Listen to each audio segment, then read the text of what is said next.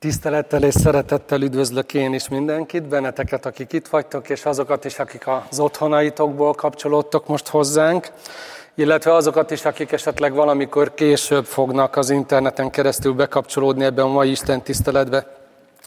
Ma egy nagyon izgalmas téma lesz előttünk, ez abba a sorozatba illeszkedik, amiről János már kétszer is prédikált, és ugye még egyszer fog majd utána is. A fő kérdés, ami előttünk van, hogy hogyan tud a kereszténység ma hiteles lenni, önazonos lenni.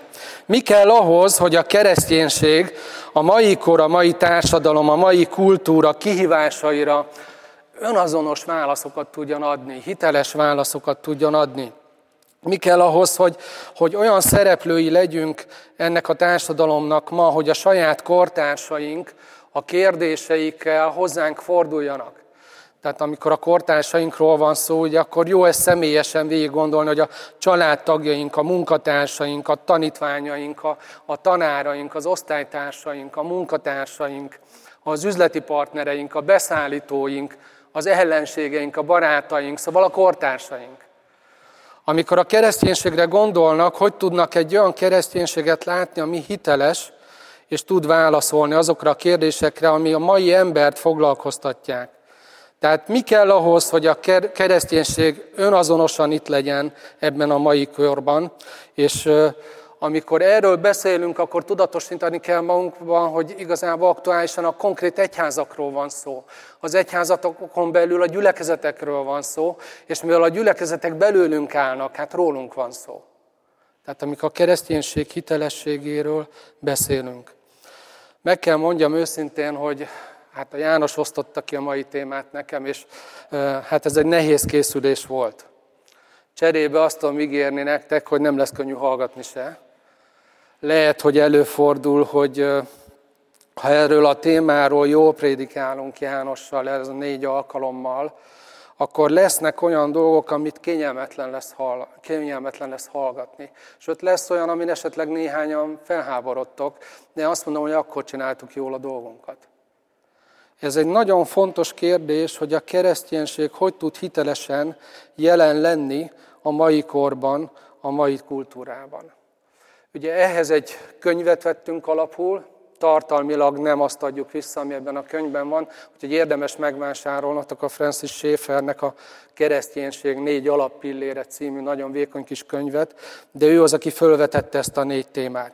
Na most mivel azért nem egy könnyű téma, én szeretném, hogyha most imádkoznánk, és kérlek benneteket, hogy én is, ahogy így imádkozom, ti is otthon, tegyétek ezt, és kérjük, hogy a Szentlélek valahogy végezze el azt, amit a jelenések könyvében olvasunk, mikor a gyülekezetekhez szól az Úr Jézus, hogy akinek van füle, hallása, hallja. Mit mond a lélek a gyülekezetnek? Imádkozunk. Úr Jézus, szeretnénk ezt az időt most neked adni, és érted jelen lenni. Köszönjük azt, amit a lélek már így az énekeken keresztül és a, a a bevezető gondolatokon keresztül is, a gyerekeknek szóló kis részen keresztül is már ide helyezett a mi szívünkbe. De kérünk, hogy te vidd ezt tovább.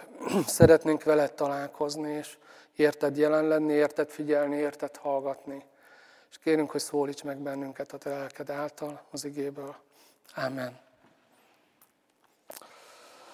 Szóval Schäfer négy gondolatot vetett fel ebben a kis könyvében, amikor, ugye, aminek az a címe, hogy a kereszténység négy alappillére, de amikor ezt a gondolatot halljuk, akkor ne arra gondoljunk, hogy egy éppen megtért új kereszténynek a, a hitét mi alapozza meg.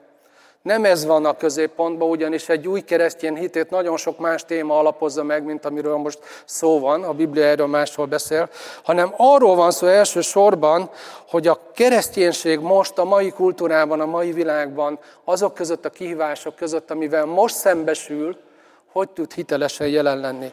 És azt mondja ő, hogy négy dolog kell ehhez, és ezekről lesz szó ma. És én szeretnék egy igével indítani, de ne felejtsük el, hogy mivel most nem egy igevers, hanem egy téma van a középpontban, majd több igét is előveszünk, de a római levélből egy részlettel szeretném, ha elindulnánk.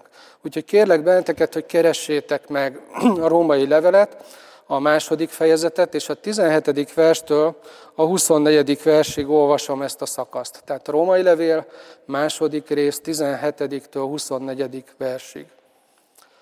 Ha pedig te zsidónak nevezed magadat, aki a törvényre hagyatkozol, és az Istennel dicsekszel, és ismered az ő akaratát, és meg tudod ítélni, hogy mi a helyes, mert megtanultad a törvényből, és meg vagy győződve arról is, hogy te vagy a vakok vezetője, és arról, hogy a sötétben járok világossága, az oktalanoknak a nevelője, és a kiskorúak tanítója, mivel tied a törvényben az ismeret és az igazság teljessége. Ha tehát mást tanítasz, magadat nem tanítod? Aki hirdetett, hogy ne lopj, lopsz, aki azt mondod, hogy ne paráznák, hogy paráználkodsz, aki utálod a bálványokat, templomrabló vagy, aki a törvényel dicsekszel, a törvény megszegésével gyalázod az Istent, bizony miattatok káromolják az Isten nevét a pogányok között. Pálapostól a rómaiakhoz írt levelében a fő téma, amire fókuszál, és amiben ott él a szívében a vágy, hogy átadja, mint üzenet, az az evangélium. Az az örömhír, hogy Isten szeretettel fordul a tőle elszakadt ember és a vele szemben lázadó ember felé. És ezt az örömhírt fejti ki ebben a levélben. És az evangélium az Istennek a kegyelmét hirdeti, amit Jézus Krisztus tett lehetővé a számunkra. Az ő emberi lételével, az életével, a szenvedésével, a halálával és a feltámadásával. De a, római levélből megértheti bárki, aki szeretné ezt a, ezt a misztériumot, ezt a titkot megragadni a saját maga számára, hogy miért van szükség Isten kegyelmére az egyéni élet szempontjából is, de akár a közösség, a társadalmi élet szempontjából is. És ebben a levélben ezt látjuk. És Pál apostol jól tudja azt, hogy a kegyelem az azoknak fontos, akik valahogy megértik azt, hogy rászorulnak Istennek a jó indulatára. Ezért a levelének, a római levélnek az elején nagyon nagy hangsúlyt fektet arra, hogy ezt a rászorultságot, ezt az Isten jó indulatára utaltságot kifejtse, és meggyőzze az olvasókat róla. És beszél arról, hogy azok, akik Istentől távol élnek, istentelen emberek, vagy azok, akik vallásosak, tehát szeretnék valamilyen vallásos módon megtalálni az utat Istenhez, elnyerni az ő jó indulatát, vagy éppen a zsidóság akik ugye a kinyilatkoztatás népe, akik a tórát, a törvényt kapták, és Isten igazságait kapták, mind-mind rászorulnak az Istennek a kegyelmére. És az a részlet, amit felolvastam, itt pont a zsidóságról szól. Tehát, hogy azok fogják elfogadni a kegyelmet, akik rászorultnak érzik magukat. És ezeket itt sorra veszik. De ugye könnyű ezt olvasni, hogyha ebbe a szövegbe csak az, az Izraelt látjuk benne az akkor Izraelt, akik elutasították Jézust. De hogyha ezt a szakaszt úgy olvasnánk el, hogy minket magunkat keresztényeket helyettesítjük bele, tegyük is meg, akkor mindjárt másképp hangzik ez a szöveg. Olvassuk el még egyszer, de egy kicsit úgy, hogy magunkat lássuk bele ebbe. Azt mondja, ha pedig te kereszténynek nevezed magadat, aki a Bibliára hagyatkozol, és Istennel dicsekszel, és ismered az ő akaratát, és meg tudod ítélni, mi a helyes, mert megtanultad az igéből, és meg vagy győződve arról is, hogy te vagy a vakok vezetője, eh, meg a sötétben járok világossága, az oktalanok nevelője és a kiskorúak tanítója, mivel tied a Bibliában az ismeret és az igazság teljessége. Ha tehát más tanítasz, magadat nem tanítod? Aki hirdetett, hogy ne lopj, lopsz, aki azt mondod, hogy ne paráznák, hogy paráználkodsz? Aki utálod a bálványokat, templomrabló vagy? Aki a kereszténységgel dicsekszel, az Isten törvényének megszegésével gyalázod az Istent? Bizony miattatok káromolják az Isten nevét a pogányok között. Ugye, hogyha megengedjük, hogy az ige minket beletegyen ebbe a szövegbe, hogy a Szentlélek egy tükröt tartson nekünk, ne a zsidóságot lássuk csak bele ebbe, hanem hogy fölfogjuk azt, hogy okkal van a Szentírásban, és az a miértünk is ott van. Ez egy picit rólunk is szól. Tehát, hogyha ezt magunkra vesszük, akkor ez egy nagyon erős üzenet. Ugye megértjük belőle, hogy mennyire fontos Istennek, hogy a kereszténység hiteles legyen ezen a földön. És az a sorozat, aminek ma a harmadik részét fogjuk elővenni, négy ilyen témáról beszél, amihez a hitelességhez kell, a hiteles kereszténységhez kell. Az egészséges tanítás, az igaz lelkiség, őszinte válaszok, őszinte kérdésekre, ez lesz a mai témánk, és az emberi kapcsolatoknak a szépsége. Ha ez megvan a kereszténységben, akkor a kereszténység azt tükrözi, amit tükröznie kell. Tud hiteles lenni. És miért van ezeknek ilyen nagy jelentősége? Egy picit hadd utaljak vissza az előző témákra is, hogy lássuk benne az ívben a mai témát is. Miért fontos ez a kérdés, az egészséges tanítás a hiteles kereszténység szempontjából? Hát én azt javaslom, hogy maradjunk a saját házunk táján, és képzeljük bele magunkat egy mai magyar nem hívő barátunk helyébe, hogyha eszébe jut, hogy szeretné megérteni, hogy mi is ez a kereszténység. Annyiszor esik szó róla, egyszerűen benne van minden médiának a, a, a, az üzeneteibe a kereszténység így vagy, hogy mi ez? Szeretné ezt megérteni. És átmegyünk az ő oldalára, hogy ez, ez most ez egy könnyű feladat, vagy ez egy nehéz feladat. Akkor azt látjuk, hogy hát ez egy zavarbejtő kérdés.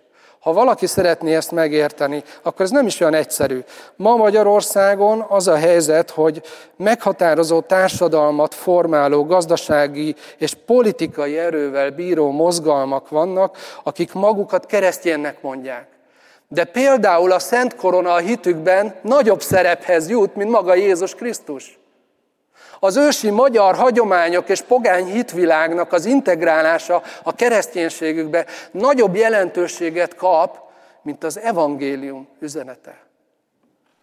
Hogyha ma valaki szeretné megérteni, hogy mit jelent a mainstream kereszténység, hát nincs könnyű dolga. A mai kereszténységi gyamblok itt Magyarországon körülbelül ugyanabban a helyzetben van, mint a kolossé hívők voltak annak idején, amikor az új szövetség íródott. Pálapostól ügye nekik kellett, hogy az evangéliumra emlékeztesse őket, és figyelmeztesse, hogy azok a tanítók, akik őket próbálják vezetni spirituálisan a világképük szempontjából, és elkezdenek beszélni az asztrológiáról, az angyalok tiszteletéről, a világ elemeinek a tiszteletéről, de leveszik a hangsúlyt, a fókuszt Krisztusról magáról, Pál azt tanította, hogy ez az evangélium torzulásához vezet. Ez a keresztjén hit torzulásához vezet. Az igaz tanításnak az eltorzításához vezet. Ez egy szinkretista vallásossághoz vezet, és nem az evangéliumi hithez, nem a valódi kereszténységhez. Ez ma Magyarországon épp úgy probléma. És bizony kérdés az, hogyha számunkra fontos, hogy hitelesen legyen jelen a kereszténység, tudunk-e világosan különbséget tenni a Bibliával, az Úr Jézus személyével, tanításával, munkájával, az apostoli tanítással, az evangéliumban összhangban lévő valódi kereszténység, és mindenféle más szinkretista, hamis kereszténység között. Ez ma egy nagyon aktuális kérdés. Ha Istennek az a vágya, hogy az igazi keresztényeken keresztül valódi kérdésekre választ adjon, akkor meg kéne találni a mai társadalomnak azokat, akiken keresztül Isten válaszolni akar. És ma a kereszténység itt Magyarországon nagyon sok mindent jelent. És nem minden kereszténység, valódi kereszténység. Tehát tudunk-e szeretettel, tisztelettel, ugyanakkor mégis az igazsághoz ragaszkodva megvédeni az egészséges tanítást. Elsősorban magunkban és a mi közösségünkben, és tudjuk ezt képviselni a társadalomban. Óriási Fontos kérdés. A másik alapvető pillére, amit említ Séfer, ez az igaz lelkiség. Vagyis azt mondja, hogy az egészséges tanításon alapuló egészséges hit megterem egy olyan spiritualitást, egy olyan lelkiséget, ami igaz, ami Krisztusi. Ugye a keresztény azt jelenti Krisztusi. Egy olyan lelkiséget és olyan spiritualitást, ami, ami Jézusra mutat, ami azonos Jézussal, éppen ezért keresztény. Például erről beszél az Új Szövetségben a Galata levél, amikor a Szentlélek gyümölcseit írja le. Vagyis, hogy milyen jellemvonást terem meg valakinek az élete, akit a Krisztus lelke vezet, és akiben benne él a Krisztus lelke. Galata 5, 22, 23.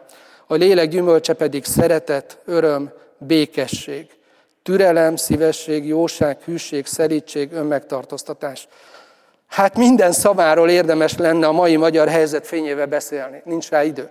De, de nagyon fontos, hogy a, a valódi, igaz hit, az megterem egy igaz lelkiséget, egy igaz spiritualitást. Látjuk, hogy milyen ez a spiritualitás itt a Bibliában. Ez nincs a véletlenre bízva. Vagyis megint csak ott tartunk, hogy hiába hirdetik harsányan némelyek azt magukról, hogy ők bizony keresztjének hogyha nem látjuk megteremni az egyéni életben ezeket a jelenvonásokat, illetve nem látjuk a munkájuk gyümölcseként érvényre jutni a társadalomban ezeket a jelenvonásokat, akkor éljünk a gyanúperrel, hogy az nem kereszténység. Ott valami hamisítvány van. A legértékesebb dolgokat ugye mindig hamisítják. És hogyha ezt látjuk a kultúrában, a közéletben, az újságírásban, a politikában, tehát a társadalomban, akkor vigyázzunk. És vigyázzunk, hogy hogy engedjük hatni magunkra ezeket, mert az igaz lelkiség, az igaz spiritualitás az Úr Jézusra mutat, és a Szentlélek munkája ki a hívőkben. Nem a levegőbe beszélek, nem véhetlen mondom ezeket. Az elmúlt évben két olyan nagy nyilvánosságot kapott botrányt is hozott az élet, ami miatt igaz ez a Róma 2.24. Bizony miattatok káromolják az Isten nevét a pogányok között nem hívő barátaim azzal viccelődnek, hogy a keresztjén szót nem lehet kimondani anélkül, hogy nem mondanák ki azt is, hogy eresz. Aki tudja, hogy mire gondolok, tudja, hogy miről beszélek. Tehát nem elég azt mondani, hogy valaki keresztjén, meg kell teremni az igaz lelkiségnek a gyümölcseit. Erre hív bennünket Isten. És most nem arra gondolok, hogy egy valódi keresztjén az tökéletes ember. Pont az ellenkezőjére gondolok. Egy valódi keresztény tudja, hogy mennyire kegyelemre szorult. Erre gondolok. Isten emberei is elbuktak, a legjobbak is. Gondoljuk csak Dávidra, ugye szegényt sokszor előveszük ebbe a témába. De azt mondja Isten őről, hogy ő az én szívem szerinti kedves ember. Egy példakép a történelem során mindenki számára Dávid, akinek egy kicsit is számít, hogy Isten számára az élete kedves legyen. És mégis elbukott. Istennek ez belefér. Nem erről beszélünk, hogy egy igazi keresztény az tökéletes ember, de arról beszélünk, hogy igaz, hogy a legjobbak is elbuknak, de különbség van az elbukás és a lebukás között. Aki elbukik, és az igaz lelkiség vezeti, amikor ez megtörténik, akkor bűnbánatra jut, megalázza magát, és bocsánatot kér. Akinek az a baja, hogy lebukott, az pedig azt gondolja, hogy nem baj, amit tettem, Csupán az a baj, hogy kitudódott. És addig hajlítjuk a teret és a valóságot magunk körül, még kiderítjük, hogy hát ez is összhangban van a kereszténységgel, de nincs összhangban. Tehát az igaz tanítás és az igaz lelkiség nagyon-nagyon fontos ahhoz, hogy a kereszténység önazonos legyen, Krisztusi legyen, hiteles legyen, hogy eljuthassunk a harmadik témához, amiről én ma leginkább beszélni fogok, hogy őszinte válaszokat kell adnunk őszinte kérdésekre. De az előző két téma nagyon fontos, nem érdemes mindenkit meghallgatni. Ez azt jelenti.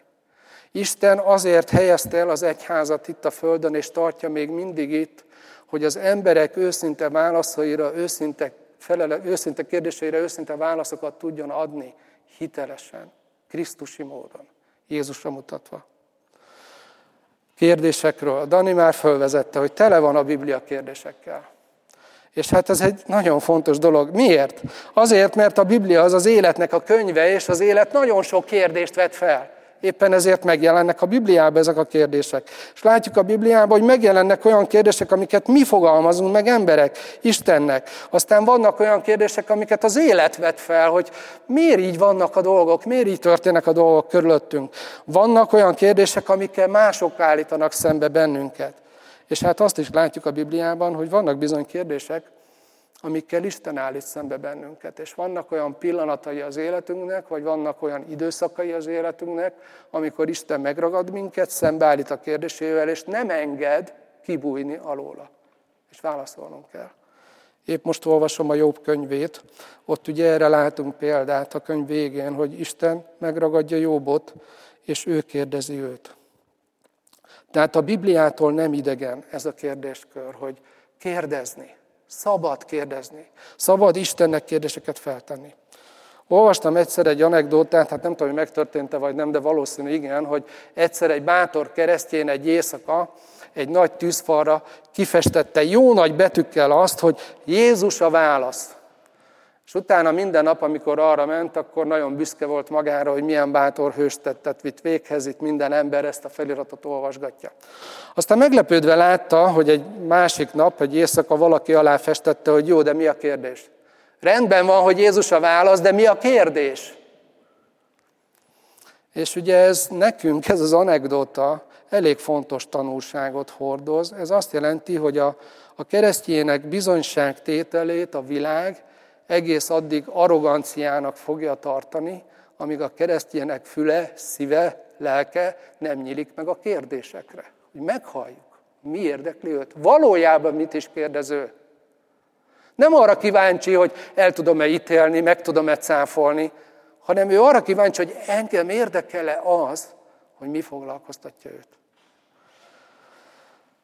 És hát valljuk be, hogy, hogy az egyházak melegágyai a, a keresztény közhelyek sokaságának, a soha át nem gondolt keresztény közhelyeknek. És ez a téma, ez arra hív bennünket, hogy igenis feladatunk mélyére menni bizonyos kérdéseknek. Feladatunk meghallani a világot foglalkoztató kérdéseket, amik ott zakatolnak bennük. És szeretnék föltenni, talán éppen Istennek. Azért tart bennünket itt a Földön az Úr Jézus még mindig, hogy rajtunk keresztül ő válaszolhasson ezekre a kérdésekre. Mintha azt mondaná ezen keresztül az Úr Jézus, hogy, hogy hát Kedves gyermekeim, kedves tanítványaim, kedves gyülekezetem, halljátok, amit én hallok? Én rengeteg kérdést hallok. Szeretném megválaszolni őket rajtatok keresztül. Tehát ez az, amiről ma beszélünk. Amikor az Úr Jézus itt járt a Földön, ő nagyon sokat kérdezett, de hagyta, hogy őt kérdezzék. Hagyta, hogy őt kérdezzék. És nagyon sokan kérdezték őt. És így gondolkodtam, hogy hogy lehetne megragadni ezt, hogy Jézus körül hogy is nézett ki ez. És hát kicsit leegyszerűsítve azt kell mondanom, hogy három fajta kérdező kereste meg Jézust, háromféle kérdéskörrel. Az egyik volt az igazságkeresőknek a csoportja. Ők azért kérdezték Jézust, mert szerették volna az igazságot megérteni, az élet értelme foglalkoztatta őket, és úgy érezték, hogy Jézusnál van valami több mint amit eddig tapasztaltak. Ilyen volt például a gazdag ifjú, amikor azt mondta, hogy jó mester, mit tegyek, hogy elnyerjem az örök életet? Ott zakatolt benne ez a kérdés egy zsidó kultúrában, ahol hallotta a tórát minden hétvégén szombaton a zsinagógába, de nem kapta meg a választ, és érdekelte, hogy az örök élet, az az élet, a nagybetűs élet, amiért itt vagyok a Földön, és ami folytatódni fog a halálom után is, az hogy lehet az enyém? Valódi kérdés. Vagy ott volt a Samári asszony, aki ugye azt kérdezte Jézustól, hogy hol kell imádnunk valójában az Istent. Mi volt e mögött a kérdés mögött? Hogy kik azok, akik elfogadhatók Istennek? Csak azok, akiknek joguk van bemenni Jeruzsálembe, a templomba, vagy egyszer Istennek megfelelünk mi is itt Jeruzsálembe, vagy Samáriába? Mi is kellünk az Istennek? Megkérdezték Jézustól. Ők voltak a keresők, a szomjazók, akik vágytak az igazságra. Aztán voltak azok, akik azért kérdezték Jézust, mert tanulni, fejlődni szerettek volna. Például ilyenek voltak a tanítványok. Nem értettek egy példázatot, vagy nem értettek, nem értettek Jézust egy, egy erős tanításában, és érezték, hogy ott valami nagyon fontos van a mélyben, és utána oda mentek Jézushoz, és azt mondta, hogy magyarázd el nekünk. Nem értjük. Megkérdezték, és Jézus elmondta. Tehát ott voltak, akik tanulni és fejlődni vágytak, és ezért kérdeztek. És hát való igaz, ott voltak azok, akik azért kérdeztek Jézust, mert ellenszenvet éreztek az irányába, irítség és gyűlölet töltötte el őket. És szerettek volna Jézuson fogást találni, szerettek volna belekötni, szerették volna őt megcáfolni, ellehetetleníteni, és ezért kérdezték őt. Ugye a kortárs vallási vezetők, vagy az éppen akkori politikai elit, akik féltették a hatalmukat Jézustól. Ők ezért kérdeztek, hogy csapdába csalják, hogy megfogják, hogy valahogy kikezdhessék őt. Nos, ma sincs ez másképp. A mai emberekben is nagyjából ugyanezek a motivációk vannak. Vannak, akik őszintén keresik a választ fontos kérdésekre, az élet értelmére, a, a valódi, igaz, szép életnek. Mi, mi, miért vagyok én itt? Miről kéne, hogy szóljon ez? Foglalkoztatja őket. Vannak, akik fejlődni szeretnének, érzik, hogy meg kéne haladniuk valahogy a jelenlegi önmagukat, és keresik a választ, hogy hogyan lehet. És bizony vannak olyanok, akik csak kötekedni akarnak, mert nekik unszimpatikus. Jézus is, a kereszténység is. Ez az egész történet, nekik nem kell. És ezért kérdeznek. Semmi baj nincs ezzel. Az Úr Jézus azért tartja itt a Földön az egyházát, hogy rajtunk keresztül válaszolhasson a mai kérdezőknek a mai kérdésére. De milyen kérdéseket tesznek fel ma az emberek? Én most több kérdést fel fogok sorolni, de nem azért, hogy megválaszoljam őket, hanem egy picit azért, hogy, hogy nyugtalanítson már bennünket, akadjon belénk egy-egy kérdés, és, és hát bocsánat, hogy ezt mondom, hogy egy kicsit kényelmetlenül érezzük magunkat, és mondjuk azt, hogy na igen, ez az, ezeken én el kellene gondolkodjak. Egyébként ezek a kérdések olyanok, amiket én már így nem hívő ismerősöktől, barátoktól megkaptam. Megválaszolni nincs most időre. Viszont azt esetleg ígérhetem, beszéltem Kornélla, hogy a, ha valaki visszamegy a YouTube csatornára és megnézi ott a chatben, be fogunk tenni egy-két könyvajánlót. Hogyha valami érdekel téged, és mélyre akarsz menni, akkor megnézhessd, utána olvashasd. Először magadért, utána másokért. Tehát rengeteg kérdést tesznek fel a kortársaink is. Próbáltam egy picit csoportosítani őket. Vannak olyan típusú kérdések, amik ilyen teológiai, filozófiai nagy kérdések. Például megkérdezik, hogy honnan tudom, hogy van Isten. Honnan tudhatom ezt? A keresztények miért olyan biztosak Isten létezésében? Lehet egyáltalán ilyen kérdésben bizonyosságra jutni? Vagy az ember egyszer csak föladja és elfogadja, hogy hát jó, akkor én innen kezdve hiszek Istenbe. Lehet ilyen kérdésben egyáltalán bizonyosságra jutni? Ha van Isten, valójában milyen ő? Ha ő tényleg a szeretet Istene, hogyan áll, ahogy a keresztények ezt állítják, akkor hogyan lehetséges az a sok véres sztori az Ószövetségben? Nem lehet, hogy az Ószövetség Istene és az Új Szövetség Istene, az nem ugyanaz az Isten? A Szent Háromság nem logikus. Honnan veszi a kereszténység ezt a teológiai koncepciót? Hogyan lehet hinni valamiben, amit nem lehet logikusan megmagyarázni? Ugye ezek a teológiai, filozófiai típusú kérdések, és sok van még egyébként. A másik a világunkkal kapcsolatos kérdések. Ugye a, a tudomány vizsgálja ezt a világot, amiben benne élünk. A tudomány és a hit hogyan fér meg egymással? Nem kell választanunk az egyik vagy a másik között, és akkor utána azt követni? Össze lehet egyeztetni ezt a kettőt, a hitet és a tudományt? Hogyan lehet hinni a teremtésben, amikor ehhez hasonlót az emberiség soha nem tapasztalt a történelme során? Soha nem láttuk azt, hogy valami nem volt, és egyszer csak Isten beleteremtette a valóságba, és azt kellett tudomásul vennünk, hogy most már van. Hogyan lehet hinni valamiben, amit soha nem láttunk működni magunk körül? De azt mondják, hogy így alakult a világ. A keresztények mit gondolnak a természetvédelemről? Hogyha keresztények abban hisznek, hogy Isten teremtette a világot, akkor miért a keresztény nyugat zsákmányolja ki és rombolja lege, legerőteljesebben a környezetet? És tette ezt a történelem során idáig. Látjuk, hogy a bolygónk egy globális ökológiai és klímakatasztrófa felé tart. Ilyen körülmények között van értelme az életnek? Lehet gyerekeket vállalni egy ilyen jövőképre? Van értelme nekem azon gondolkodni, hogy mi az én jövőképem, és mit akarok kezdeni az életemmel? És halljuk meg, hogy ezek mögött a kérdések mögött a reménység keresése van. Van válasz, amiben van reménység, valódi reménység. Aztán vannak Bibliával kapcsolatos kérdések. A Biblia egy nagyon régi könyv. Rendben van, hogy néhányan szívesen olvassák, és, de azt nem értjük, hogy miért gondolják azt, hogy egy ilyen régi könyvet a mai világban, a mai élettel kapcsolatban alapul kéne venni, komolyan kellene venni. Hát ez egy olyan régi könyv, ez már elavult kell, hogy legyen. Miért gondolják azt a keresztények, hogy ez ma is aktuális?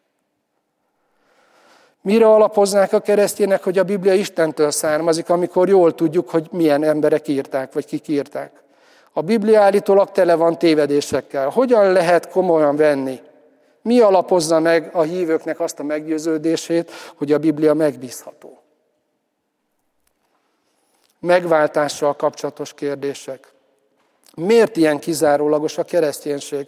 Hogyan állíthat olyat a kereszténység, hogy csak Jézus Krisztuson keresztül lehet Istennek és az embernek megbékülni egymással? Nem minden vallás valójában ugyanazt szeretné? Miért ilyen kizárólagos a kereszténység? Miért volt szükség Jézusnak erre a brutális szenvedésére és halálára? Isten nem bocsáthatott volna csak úgy meg jó akaratból, pusztán jó szándékból? Miért volt erre szükség? Aztán a hittel kapcsolatos kérdések. Mindenki hisz valamiben. Miért beszélnek a keresztjének arról, hogy a keresztjén hit az összes többi hit között kizárólagos és egyedülálló, és ez az, amit Isten elfogad? Az élettel kapcsolatos kérdések. Miért gondolják a keresztjének, hogy az életnek van bármi értelme? Ha Isten jó, ő egy olyan világot teremtett, ami jó volt, akkor hogyan lehet ennyi szenvedés, fájdalom, betegség, vagy éppen ez a járvány ebben a világban, ami jónak lett teremtve? Ha Isten teremtett mindent, akkor miért létezik a gonoszság, ha ő jó? Ha ő a mindenható, akkor hogyan engedheti meg, hogy a gonosz működjön? Miért vannak háborúk, kizsákmányolás, rabszolgaság, prostitúció? Ennyi rosszat hogyan engedhet meg egy jó Isten, aki mindenható és bármit meg tud tenni? Aztán az egyházzal kapcsolatos kérdések. Miért létezik ennyi felekezet? Hogyan egyeztethető össze az Istennel és az egységgel és a szeretettel, amiről beszélnek a keresztjének, hogy ennyiféle felekezet van? Hogyan léphet fel hitelesen az egyház, miközben a múltjában ott vannak a vallási háborúk, az inkvizíció, a mártírok kivégzése, a tudomány elnyomása, az egyház szakadások? Miért gondolja az egyház, hogy hitelesen megszólalhat bármilyen kérdésben? Hogyan lehetséges az, hogy Jézus központi üzenete a szeretet volt, de a keresztjének között rengeteg az arrogáns, gyűlölködő, érzéketlen ember? Hogyan lehetséges? Társadalommal kapcsolatos kérdések. Ha a keresztjének egy igazságos Istenben hisznek, akkor hogyan húgyhatnak szemet társadalmi igazságtalanságok felett? Vagy hogyan idézhetik pont ők elő azt? Hogyan lehetséges, hogy a keresztény gyak, gyakran belecsúszik a rasszizmusba, az antiszemitizmusba, a nacionalizmusban? Gazdasággal kapcsolatos kérdések. Hogyan lehetséges, hogy a keresztény nyugat évszázadokon át és ma is kihasználja a világ szegény régióit, például Ázsiát és Afrikát? Hogyan lehetséges az, hogy a világon a pénzügyi erőforrások nagy része a keresztény nyugat birtokában van, és elnézi az éhezést, a szegénységet, az emberhez méltatlan életet? Hogyan lehetséges ez? És folytathatnám tovább. Rengeteg kérdés. Megközelíthetjük úgy, hogy hogy jönnek ahhoz az emberek, hogy ilyeneket kérdezzenek. Megközelíthetjük úgy, hogy ezek méltatlan kérdések. De megközelíthetjük úgy is, hogy ezek őszinte kérdések. És őszinte kérdésekre lehet őszinte válaszokat adni. És Isten hív bennünket arra, hogy ezeket a kérdéseket az ő gyermekei valahogy próbálják megválaszolni.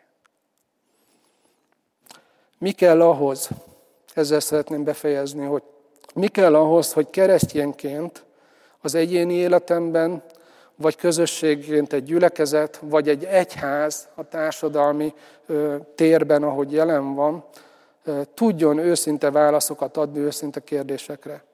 Sok mindent lehetne idehozni, én most három hangsúlyt szeretnék fölemelni, ezekről is lehet teljesen másképp is gondolkodni, inkább csak elindítani szeretnélek benneteket arra, hogy hogy gondoljuk végig, hogy van feltétele annak, hogy Jézus minket ma használni tudjon arra, hogy megválaszolja ezeket a kérdéseket. Mi abban hiszünk, hogy Isten mindazt kijelentette az emberiség számára az igében, és ezt támogatja most a valódi jelenlétével a Szentlélek által, hogy az igazi kérdésekre tudjuk a választ. Nem minden kérdés lett az órunkra kötve, de ami valódi kérdés, azokra tudjuk a valódi választ. Három attitűdről akarok beszélni, vagy három olyan dologról, ami ahhoz kell, hogy olyan emberek legyünk, akik tudnak válaszolni őszintén, őszinte kérdésekre. Az első az identitás. Arra gondolok, hogy át kell gondolni nagyon komolyan a mai magyar valóságban, de a, a mai valóságban ez azt hiszem, hogy globálisan értendő a, a keresztény kultúrára, ahol a keresztények ma jelen vannak, és itt adják számon, hogy mit is jelent valójában kereszténynek lenni. A válasz ezekre a nehéz kérdésekre először, értsétek jól, mi magunk vagyunk. Nem az, amit mondunk, hanem akik vagyunk. Tehát ha nincs egy olyan alapvető dolog bennünk tisztába rakva, ami az identitásunkról szól, amiről az első két ige hirdetés szólt, amiről János beszélt, az, hogy miben hiszünk, hogy az igazságot értjük, amit Isten nekünk jelentett. És ebből fakad egy, egy hiteles lelkiség, egy igaz lelkiség. Ez a legalapvetőbb, az identitásunk a legalapvetőbb, hogy egyáltalán után valamit mondjunk. Mi vagyunk a válasz, akik vagyunk először, és csak utána az, amit mondunk.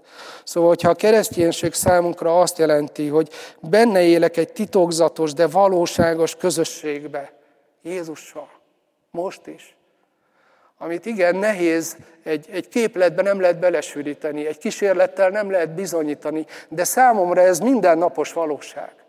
Akkor ez alapja lehet annak, hogy önazonos, hiteles keresztény életet éljek, és ezt a jelenlétet, Krisztusi jelenlétet az életembe, azok, akik a kérdést fölteszik, megsejtsék.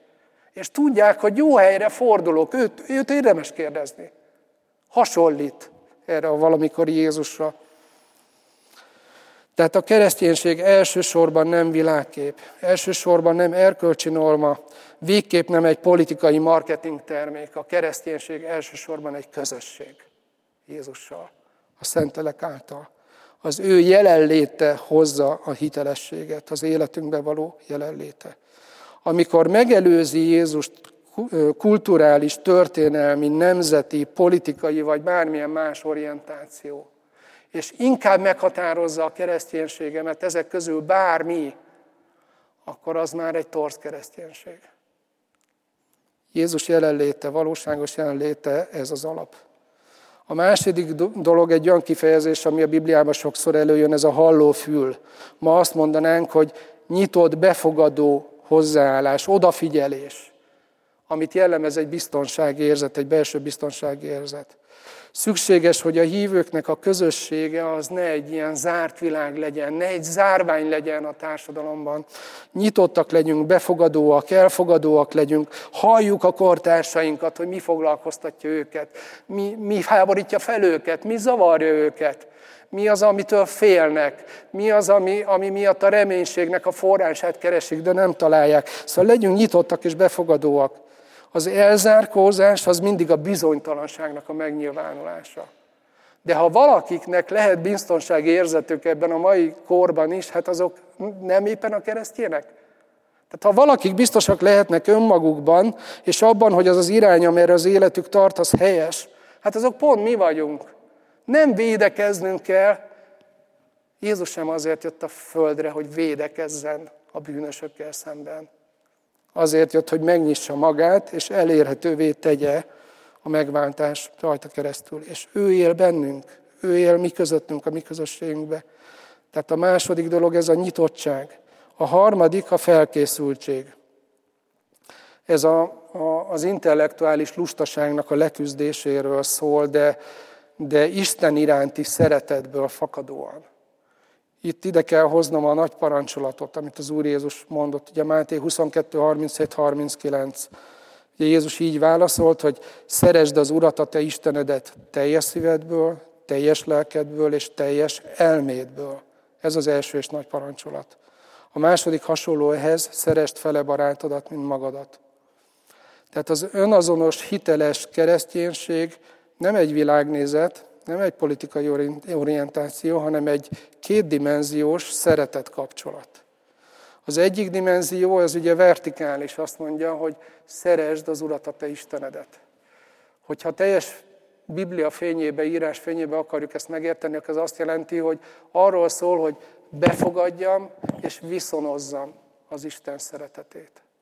És ez a viszonzás, ez azt mondja itt az Úr Jézus, hogy háromféleképpen is lehetséges. Teljes szívedből, teljes lelkedből és teljes elmédből.